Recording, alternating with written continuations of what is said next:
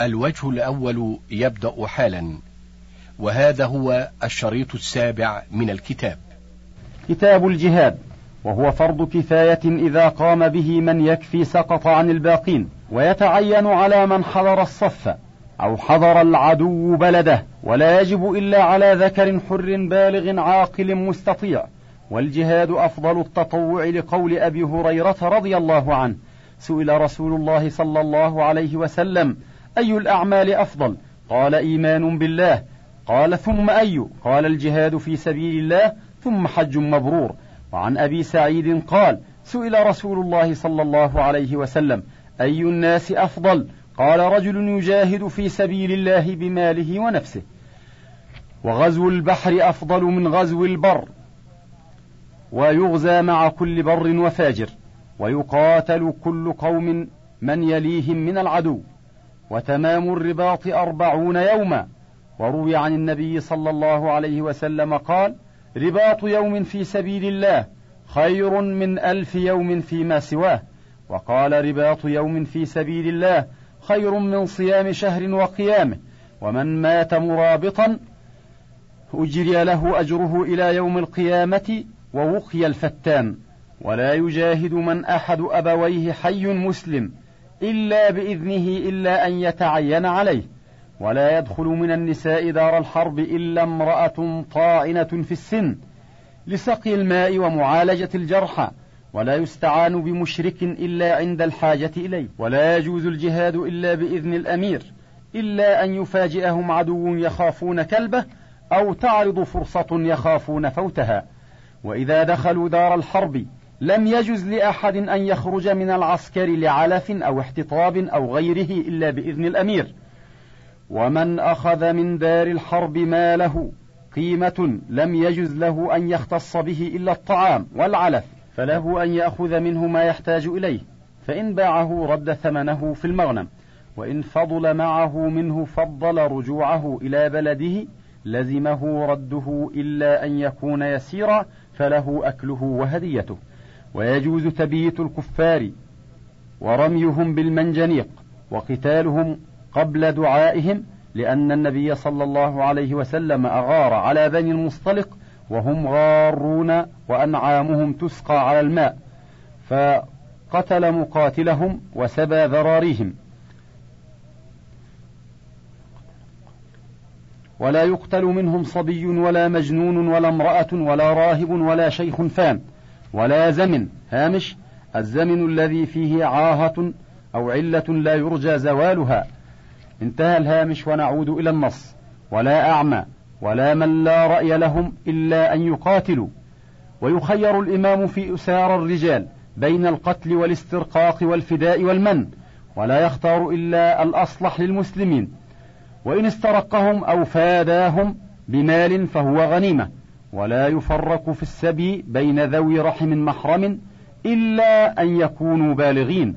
ومن اشتري منهم على أنه ذو رحم فبان بخلافه. رد الفضل الذي فيه بالتفريق. ومن أعطي شيء ومن أعطى شيئا يستعين به في غزوة فإذا رجع فله ما فضل. إلا أن يكون لم يعط لغزوة بعينها فيرد الفضل في الغزو.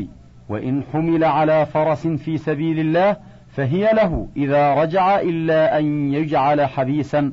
وما أخذ من أموال المسلمين رد إليهم إذا علم إذا علم صاحبه قبل القسمة.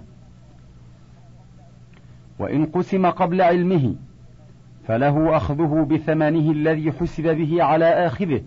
وإن أخذه أحد الرعية بثمن فلصاحبه أخذه بثمنه. وإن أخذه بغير شيء رده. ومن اشترى أسيرا من العدو فعلى الأسير أداء ما اشتراه به. باب الأنفال. وهي الزيادة على السهم المستحق. وهي ثلاثة أضرب. أحدها سلب المقتول غير مخموس لقاتله لقول رسول الله صلى الله عليه وسلم من قتل قتيلا فله سلبه وهو ما عليه من لباس وحلي وسلاح وفرسه بآلتها. وإنما يستحقه من قتله حال قيام الحرب غير مثخن ولا ممنوع من القتال. الثاني أن ينفل أن ينفل الأمير من أغنى عن المسلمين غناء من غير شرط كما أعطى النبي صلى الله عليه وسلم سلمة بن الأكوع يوم ذي قرد يوم ذي قرد سهم فارس وراجل ونفله أبو بكر رضي الله عنه ليلة جاءه بأهل تسعة أبيات امرأة منهم. الثالث ما يستحق بالشرط وهو نوعان أحدهما أن يقول الأمير من دخل النقب أو صعد السور فله كذا ومن جاء بعشر من البقر أو غيرها فله واحد منها فيستحق فيستحق ما جعل له. الثاني أن يبعث الأمير في البداءة سرية ويجعل لها الربع وفي الرجعة أخرى ويجعل لها الثلث فما جاءت به أخرج خمسه ثم أعطى أخرج خمسه ثم أعطى السرية ما جعل لها وقسم الباقي في الجيش والسرية معا. فصل ويرضخ لمن لا سهم له من النساء والصبيان والعبيد والكفار فيعطيهم على قدر غنائهم. لا يبلغ بالراجل منهم سهم راجل ولا بالفارس سهم فارس. وإن غزا العبد على فرس لسيده فسهم الفرس لسيده ويرضخ للعبد. باب الغنائم وقسمتها. وهي نوعان. أحدهما الأرض فيخير الإمام بين قسمتها ووقفها للمسلمين. ويضرب عليها خراجا مستمرا يؤخذ ممن هي في يده كل عام اجرا لها. وما وقفه الأئمة من ذلك لم يجز تغييره ولا بيعه. الثاني سائر الأموال فهي لمن شهد الوقعة ممن يمكنه القتال ويستعد له من من التجار وغيرهم. سواء قاتل أو لم يقاتل على الصفة التي شهد الوقعة فيها من كونه فارسا أو راجلا أو عبدا أو مسلما أو كافرا ولا يعتبر ما قبل ذلك ولا ما بعده. ولا حق فيها لعاجز عن القتال بمرض أو غيره ولا لمن جاء بعد ما تنقضي الحرب من مدد أو غير من مدد أو غيره. ومن بعث الأمير لمصلحة الجيش أسهم له ويشارك الجيش سراياه فيما غنمت وتشاركه فيما غنم. ويبدأ بإخراج مؤن الغنيمة لحفظها ونقلها وسائر حاجتها ثم يدفع الأسلاب إلى أهلها والأجعال لأصحابها ثم يخمس باقيها فيقسمه خمسة أسهم. سهم لله تعالى ولرسوله صلى الله عليه وسلم يصرف في السلاح والكراع والمصالح وسهم لذوي القربى وهم بنو هاشم وبنو المطلب غنيهم وفقيرهم للذكر مثل حظ الأنثيين. وسهم لليتامى الفقراء وسهم للمساكين ثم يخرج باقي الأمثال والرضخ ثم يقسم ما بقي للراجل سهم وللفارس ثلاثة أسهم سهم له ولفرسه سهمان. لما روى ابن عمر أن رسول الله صلى الله عليه وسلم جعل للفرس سهمين ولصاحبه سهما وإن كان الفرس غير عربي فله سهم ولصاحبه سهم وإن كان مع الرجل فرسان أسهم لهما ولا يسهم لأكثر من فرسين ولا يسهم لدابة غير الخير. فصل وما تركه الكفار فزعا وهربوا لم يوجف عليه بخيل ولا ركاب أو أخذ منهم بغير قتال فهو في. يصرف في مصالح المسلمين. ومن وجد كافرا ضالا عن الطريق أو غيره في دار الإسلام فأخذه فهو له. وإن دخل قوم لا منعة لهم أرض الحرب متلصصين بغير إذن الإمام فما أخذوه فهو لهم بغير بعد الخمس.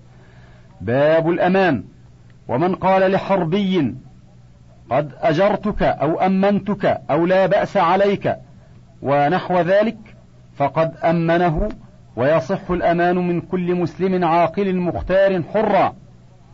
حرا كان أو عبدا رجلا كان أو امرأة لقول رسول الله صلى الله عليه وسلم المؤمنون تتكافأ دماؤهم ويسعى بذمتهم أدناهم ويصح أمان آحاد الرعية للجماعة اليسيرة وأمان الأمير للبلد الذي أقيم بإزائه وأمام وأمان الإمام لجميع الكفار ومن دخل دارهم بأمانهم فقد أمنهم من نفسه وإن خلوا أسيرا منا بشرط أن يبعث إليهم مالا معلوما لزمه الوفاء لهم فإن شرطوا عليه أن يعود إليهم إن عجز لزمه الوفاء لهم إلا أن تكون امرأة فلا ترجع إليهم. فصل وتجوز مهادنة الكفار إذا رأى المصلحة فيها ولا يجوز عقدها إلا من الإمام أو نائبه وعليه حمايتهم من المسلمين دون أهل الحرب. وإن خاف نقض العهد منهم نبذ إليهم عهدهم وإن سباهم كفار آخرون لم يجز لنا شراؤهم. وتجب الهجرة على من لم يقدر على إظهار دينه في دار الحرب. وتستحب لمن قدر على ذلك ولا تنقطع الهجرة ما قوتل الكفار إلا من بلد بعد فتحه. باب الجزية. ولا تؤخذ الجزية إلا من أهل الكتاب وهم اليهود. ومن دان بالتوراة. والنصارى ومن دان بالإنجيل والمجوس إذا التزموا أداء الجزية وأحكام الملة ومتى طلبوا ذلك لزمهم إجابتهم وحرم قتالهم.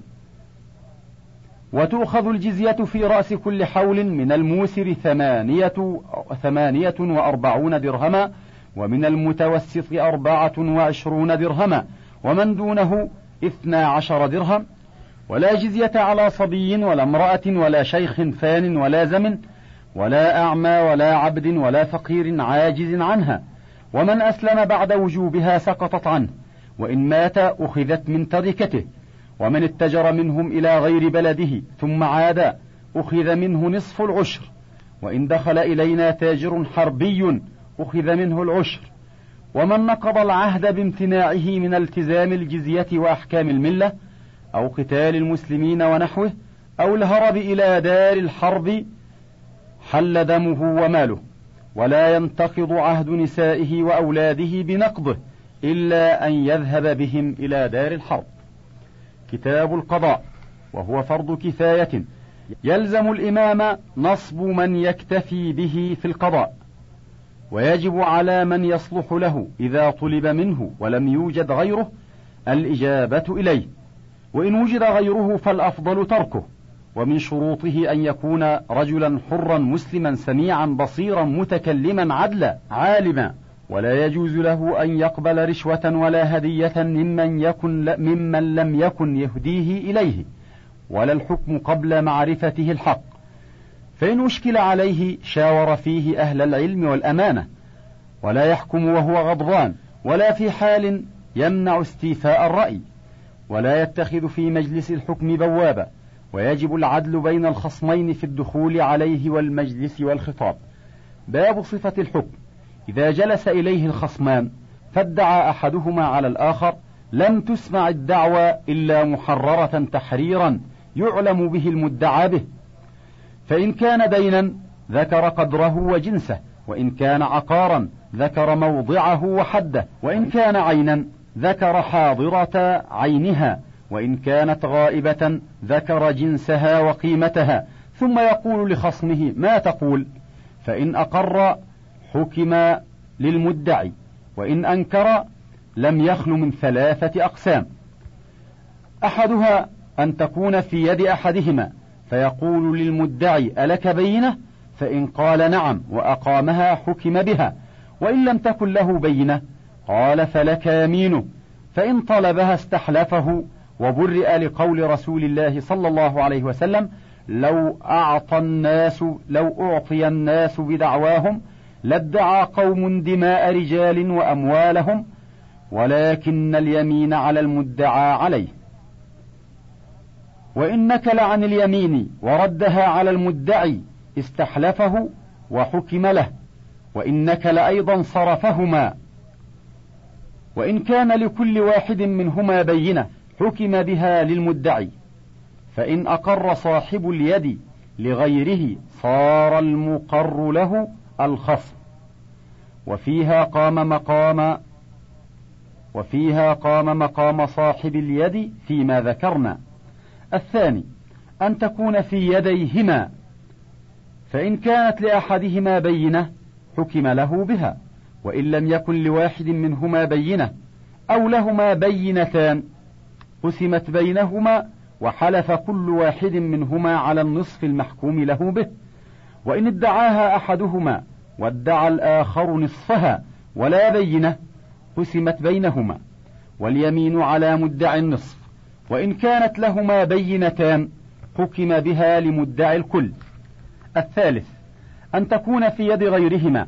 فإن أقر بها لأحدهما أو لغيرهما صار المقر له كصاحب اليد وإن أقر لهما صارت كالتي في يديهما وإن قال لا أعرف صاحبها منهما ولا ولأحدهما بينة فهي له وإن لم يكن لهما بينة أو لكل واحد منهما بينة استهما على اليمين فمن خرج سهمه حلف وأخذها.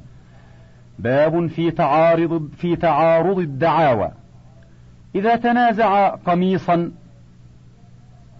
أحدهما لابسه والآخر آخذ بكمه فهو للابسه وإن تنازعا دابة أحدهما راكبها أو له عليها حمل فهي له وإن تنازعا أرضا فيها شجر أو بناء أو زرع لأحدهما فهي له.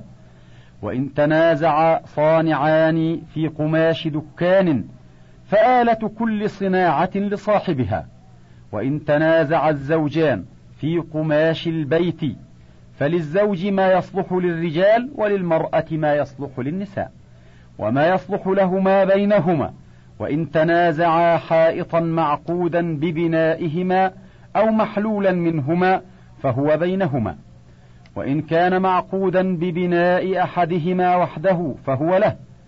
وإن تنازع صاحب العلو والسفل في السقف الذي بينهما أو تنازع صاحب الأرض والنهر في الحائط الذي بينهما أو تنازع قميصا أحدهما آخذ بكمه وباقيه مع الآخر فهو بينهما. وإن تنازع مسلم وكافر في ميت يزعم كل واحد منهما أنه مات على دينه فإن عرف أصل دينه حمل عليه وإن لم يعرف أصل دينه فالميراث للمسلم. وإن كانت لهما بينتان فكذلك وإن كانت لأحدهما بينة حكم له بها. وإن ادعى كل واحد من الشريكين في العبد أن شريكه أعتق نصيبه وهما موسران أعتق كله. ولا ولاء لهما عليه. وإن كان أحدهما موسرا والآخر معسرا عتق نصيب الموسر وحده. وإن كان معسر وإن كان معسرين لم يعتق منه شيء. وإن اشترى أحدهما نصيب صاحبه عتق حينئذ ولم ولم يسر إلى باقيه ولا ولاء عليه. وإن ادعى واحد من الموسرين أنه أعتقه هامش أي أن صاحبه أعتق العبد تحالفا انتهى الهامش ونعود إلى النص تحالفا وكان ولاؤه بينهما.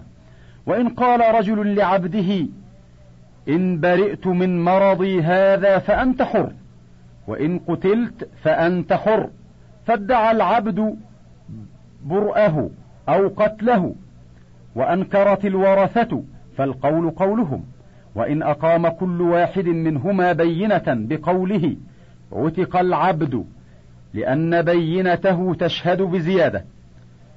ولو مات رجل وخلف ابنين وعبدين متساوي متساويي القيمة لا مال له سواهما فأقر الابنان أنه أعتق أحدهما في مرض موته عتق منه ثلثان هامش لأنه لا يصح للإنسان أن يتصرف في ماله في مرض موته بأكثر من الثلث. إلا انتهى الهامش ونعود إلى النص.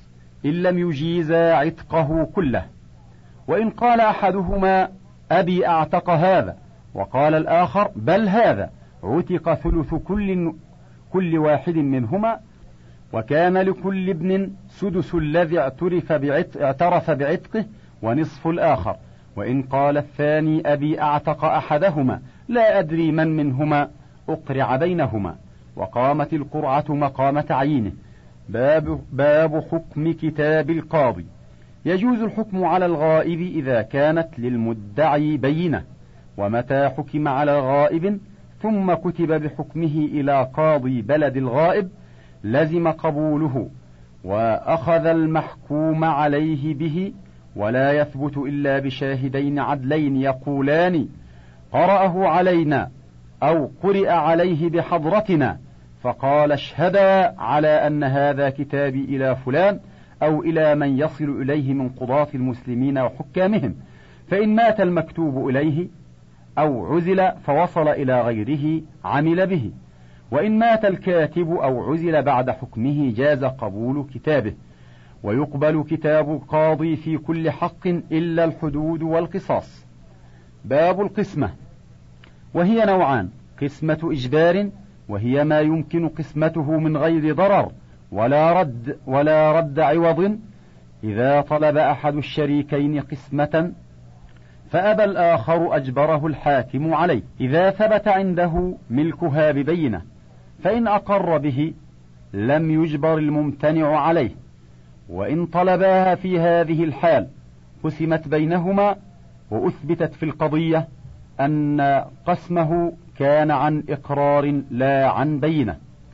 والثاني قسمة التراضي وهي قسمة ما فيه ضرر بأن لا ينتفع أحدهما بنصيبه فيما هو له أو لا يمكن تعديله إلا برد عوض من أحدهما فلا إجبار فيها.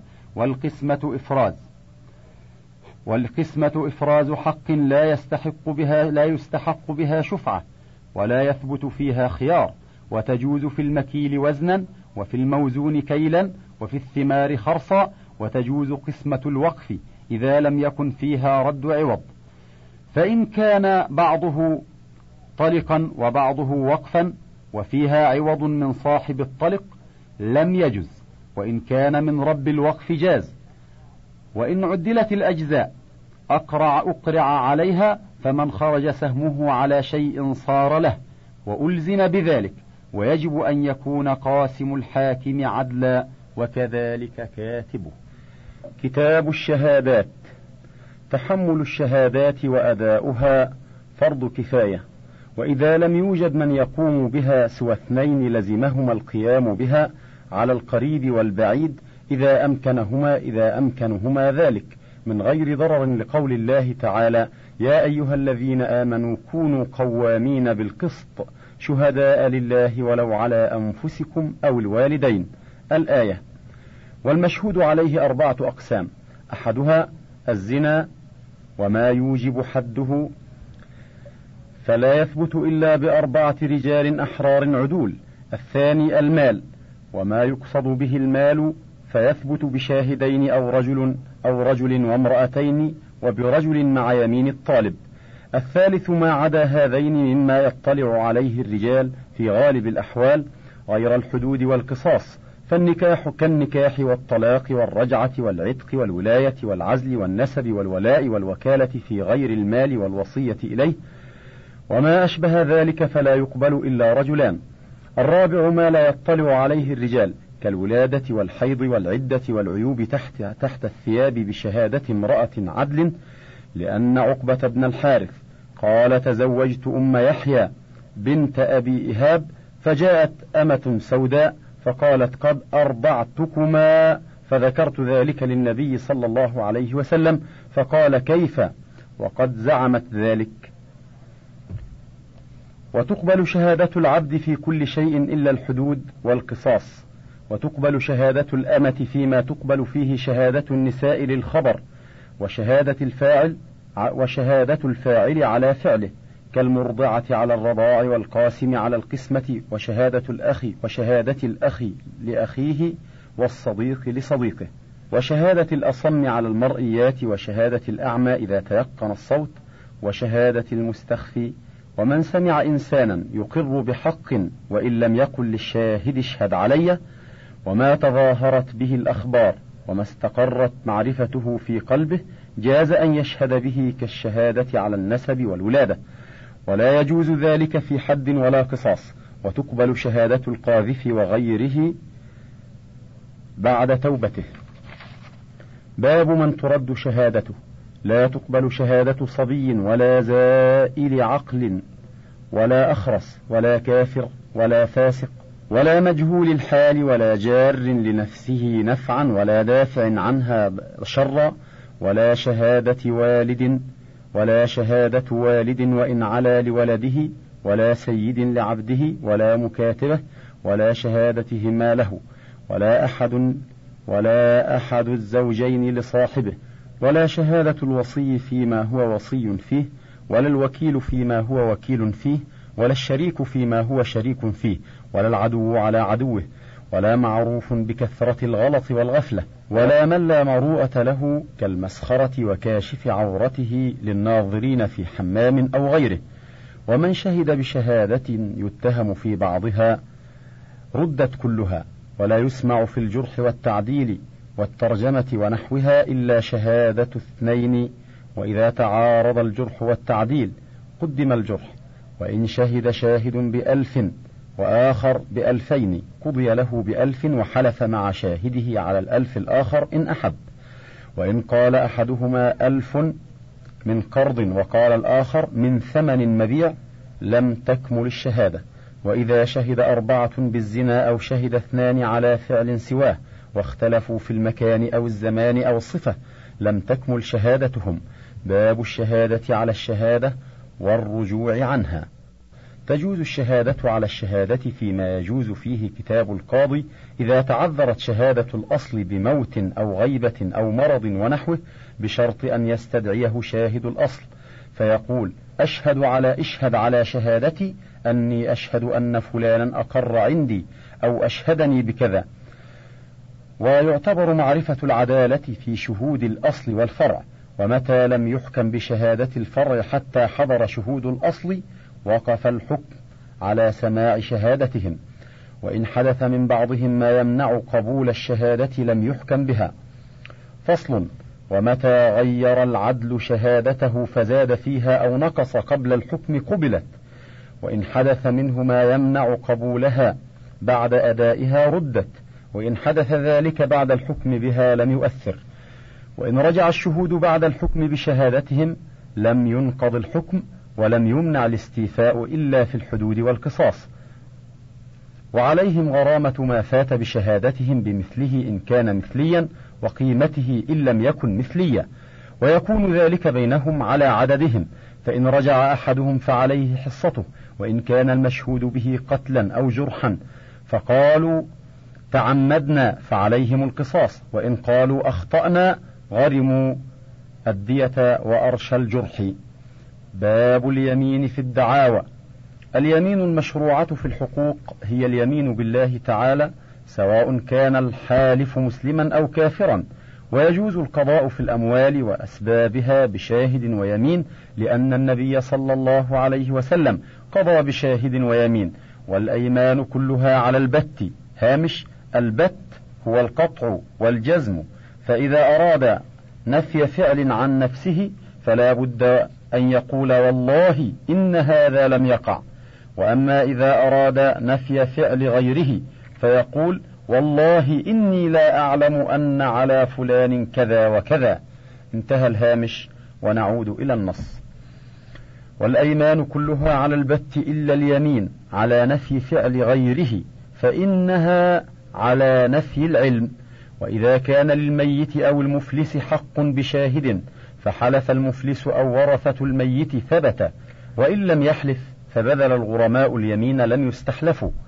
وإذا كانت الدعوى لجماعة فعليه لكل واحد يمين وإن قال أنا أحلف يمينا واحدة لجميعهم لم يقبل منه إلا أن يرضوا. وإن ادعى واحد حقوقا على واحد فعليه في كل حق يمين. وتشرع اليمين في كل حق لآدمي ولا تشرع في حقوق الله من الحدود والعبادات. انتهى الوجه الأول.